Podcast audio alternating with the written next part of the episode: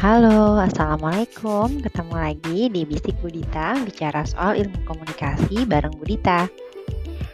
Kali ini saya akan membahas tentang teori retorika atau komunikasi publik yang judulnya Dramatisme oleh Kenneth Burt. Nah, dalam level komunikasi publik, sebelumnya kita sudah pernah membahas tentang retorika Aristoteles. Nah, kali ini retorika dilihat dari sisi dramatisme. Apa sih maksudnya dramatisme? Menurut Kenneth Burke, kata-kata itu berupa aksi.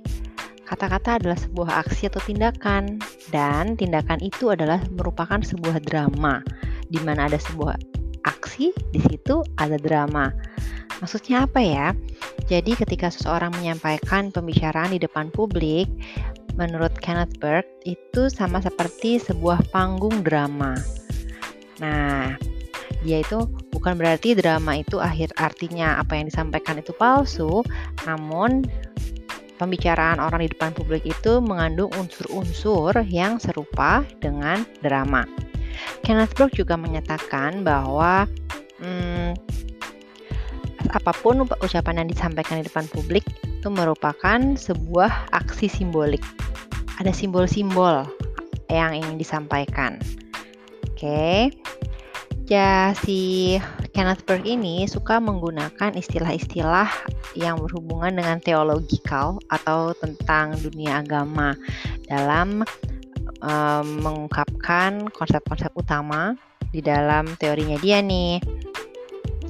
Tapi sebelum nyampe sana, saya bahas dulu ada yang disebut aksi simbolik. Itu apa sih aksi simbolik? Aksi simbolik adalah kata-kata kata-kata digunakan sebagai tindakan yang memiliki tujuan tertentu.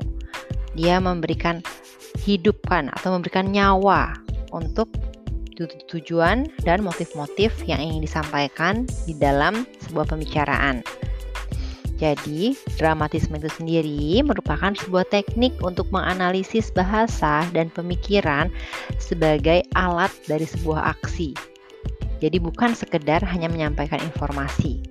Jadi dalam setiap percakapan, dalam setiap pembicaraan yang disampaikan dalam komunikasi publik, itu merupakan aksi simbolik yang memiliki tujuan tertentu.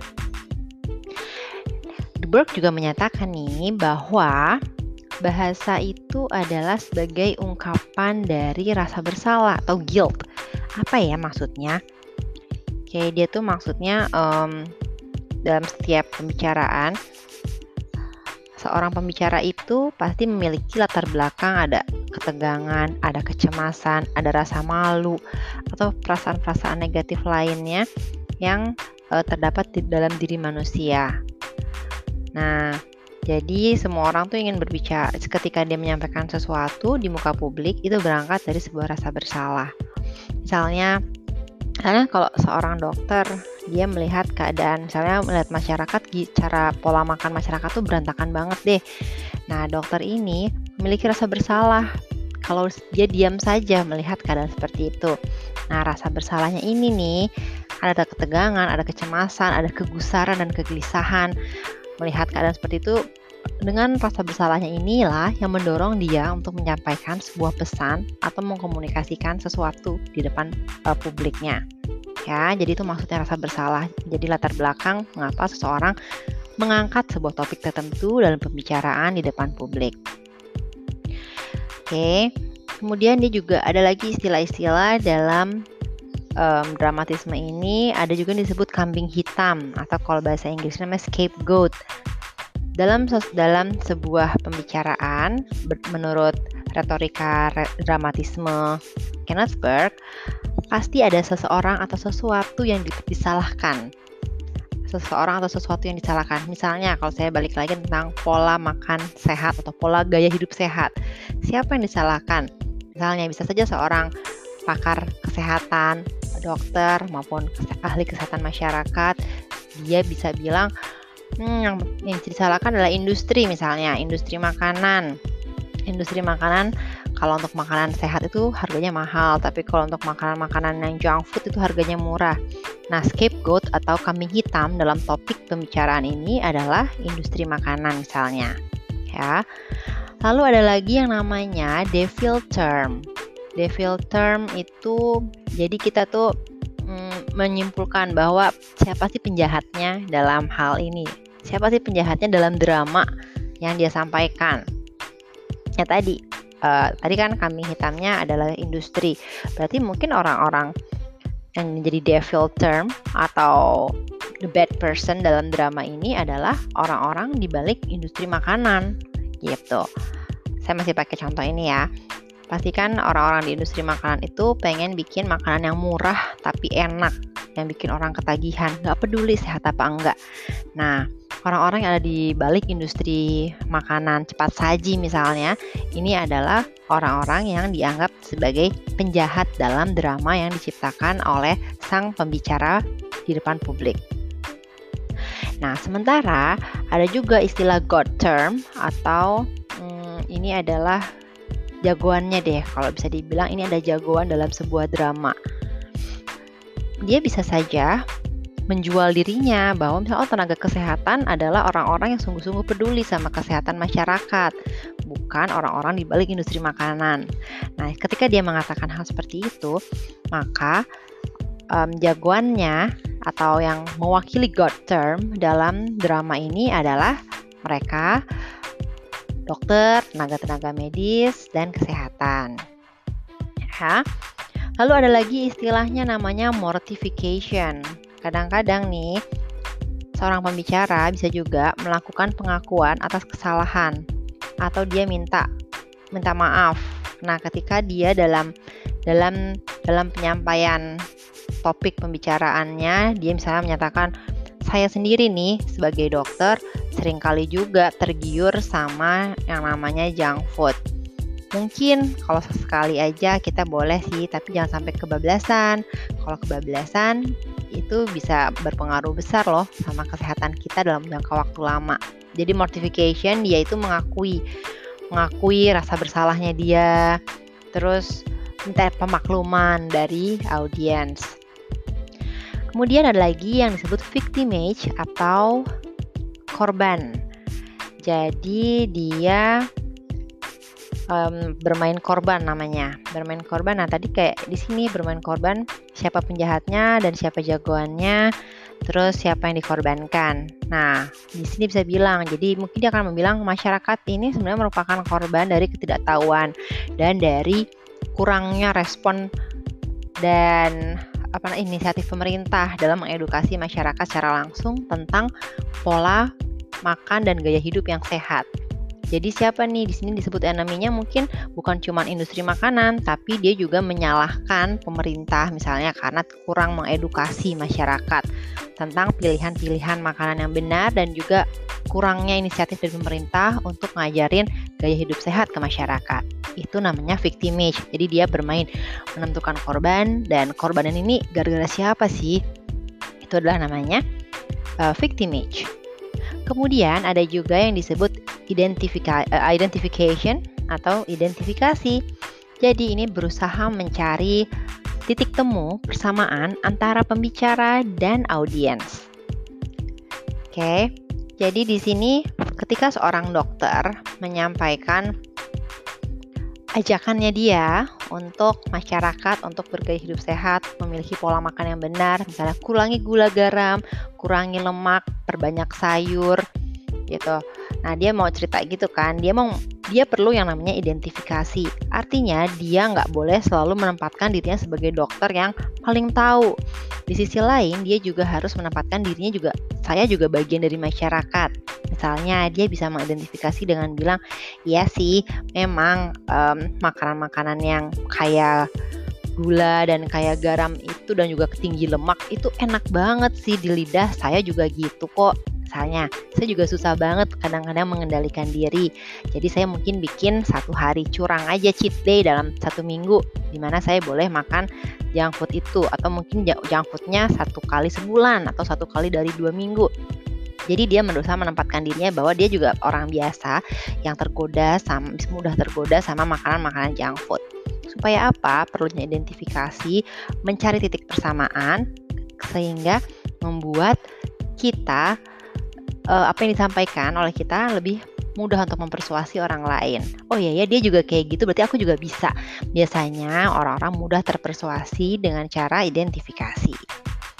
Lalu yang tidak kalah penting dan merupakan inti dari teori dramatisme dari Kenneth Burke adalah dramatistik pentat. Pentat itu lima ya. Jadi ada lima unsur dalam dramatisme yang digunakan sebagai lensa untuk menginterpretasi aksi-aksi simbolis dalam drama yang disampaikan oleh seorang pembicara publik. Oke. Misalnya nih, ada yang namanya act. Act itu adalah tindakan, tindakan atau aksi. Jadi kalau nggak ada sebuah tindakan atau aksi, eh, nggak ada tuh dramanya. Nah, maksudnya apa nih act dalam drama? Itu adalah tema, tema dari topik pembicaraan seorang pembicara publik tadi. Kalau dalam konteks saya, misalnya tadi mm, mengajak masyarakat hidup sehat, berarti act-nya adalah ajakan untuk bergaya hidup sehat. Nah, itu adalah act-nya. Oke, yang kedua adalah agent-nya. Agentnya siapa nih? Siapa yang melakukannya? Nah, siapakah yang melakukannya? Yang harus melakukan tindakan itu siapa? Berarti masyarakat kan? Seluruh lapisan masyarakat merupakan agent dari drama tadi, agent dari act ubahlah hidup jadi gaya sehat dan uh, makan makanan yang bergizi seimbang. Oke. Kemudian agency. Agency itu adalah prosedurnya. Bagaimana sih si tindakan itu bisa terjadi? Oke. Jadi untuk agency di sini um, kita bisa cerita, bisa cerita bahwa caranya buat hidup untuk bisa hidup sehat, bergaya hidup sehat, yaitu memilih makanan yang bergizi seimbang. Agency itu adalah prosedurnya. Habis itu bisa bergaya hidup aktif, terus bergaya hidup yang mengurangi stres, itu adalah agensinya. Itu bisa disampaikan oleh seorang pembicara dalam konten komunikasi publiknya. Kemudian scene adalah di mana nih environmentnya, lingkungannya lingkungan di mana drama tersebut terjadi. Jadi kalau dalam konteks ini environmentnya adalah rumah ya, bisa rumah dan lingkungan mereka sekitar, lingkungan masyarakat itu sendiri di sekitar mereka. Bagaimana mereka bisa menerapkan gaya hidup sehat mereka tuh di mana? Ya udah dalam di rumah dan di kehidupan keseharian masyarakat. Itu adalah scene-nya. Kemudian yang kelima adalah purpose. Oke, tujuan dari uh, semua pembicaraan ini. Oke, jadi untuk pengen tahu motif dari si agent supaya apa? Oh, kenapa kita bisa perlu bergaya hidup sehat? Supaya kita bisa tetap sehat di usia tua. Ya kan? Tujuannya adalah supaya tetap sehat di usia tua, tetap produktif dan bisa meningkatkan harapan hidup. Nah, oke, okay, jadi tadi lima tuh dramatistik mentat ada lima apa aja? Yang pertama act, act itu adalah tema, tema dari pembicaraan yang disampaikan. Kemudian agent, siapa orang yang diharapkan melakukan tindakan dalam konten drama yang disampaikan. Kemudian agency itu bagaimana cara uh, cara melakukan si act tadi.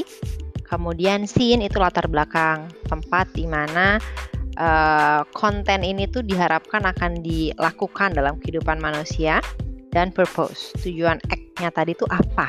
Gitu. Tujuannya kayak tadi tujuannya mau hidup uh, sehat lebih lama. Salah satu catatan yang paling penting di sini sering kali uh, mahasiswa terjadi ada kesalahpahaman. Jadi yang act, agent, agency, scene sama purpose-nya itu dianggapnya adalah hmm, pidato itu sendiri misalnya act-nya oh misalnya dokter ini act-nya dia sedang berpidato agentnya si dokter agensinya melalui caranya dia tampil di depan umum atau dia tampil di YouTube. Scene-nya uh, studio, purpose-nya supaya orang nurut sama apa yang dia omongin. Jadi bukan itu ya. Jadi ini harus dipentingkan adalah elements of the pentat describe the drama describe in the speech. Ya, pentat describe the drama describe in the speech. They do not describe the speech itself. Oke, okay? jadi bukan pidatonya itu sendiri. Jadi kalian tuh harus tahu nih dalam sebuah konten itu hmm, apa sih sebenarnya dramanya drama unsur drama yang um, disajikan oleh sang pembicara. Pasti semuanya ada. Jadi harus mencari pertama tadi kayak nyari jagoannya nyari nyari penjahatnya siapa dalam cerita yang dia sampaikan. Ya.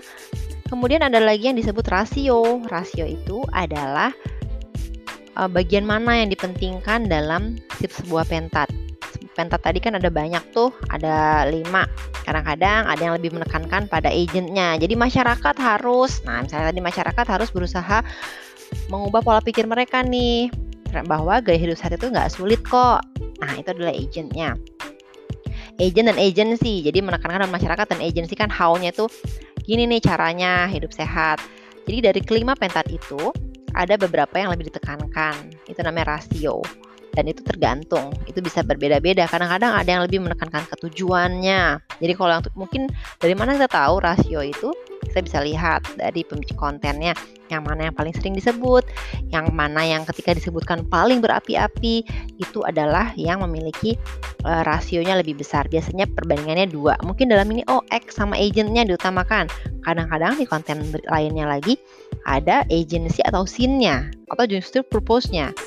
Jadi uh, ada itu rasio itu adalah yang mana yang dianggap paling penting tergantung tujuan dari pembicaraan di uh, komunikasi publik tadi lagi. Oke, jadi segitu saja untuk dramatisme dari Kenneth Burr. Dia intinya dia lagi menekankan bahwa konten komunikasi publik itu adalah sebuah aksi yang simbolik, sebuah aksi simbolik yang bisa diibaratkan seperti drama. Ya, Oke, segitu aja dari saya. Semoga bisa membantu kalian belajar ya, sambil dibaca-baca juga. Dan jangan lupa cari-cari jurnal terkait dengan penelitian yang menemukan teori dramatisme dari Kenneth Burke. Salam Bisik Budita, bicara soal ilmu komunikasi bareng Budita. Assalamualaikum.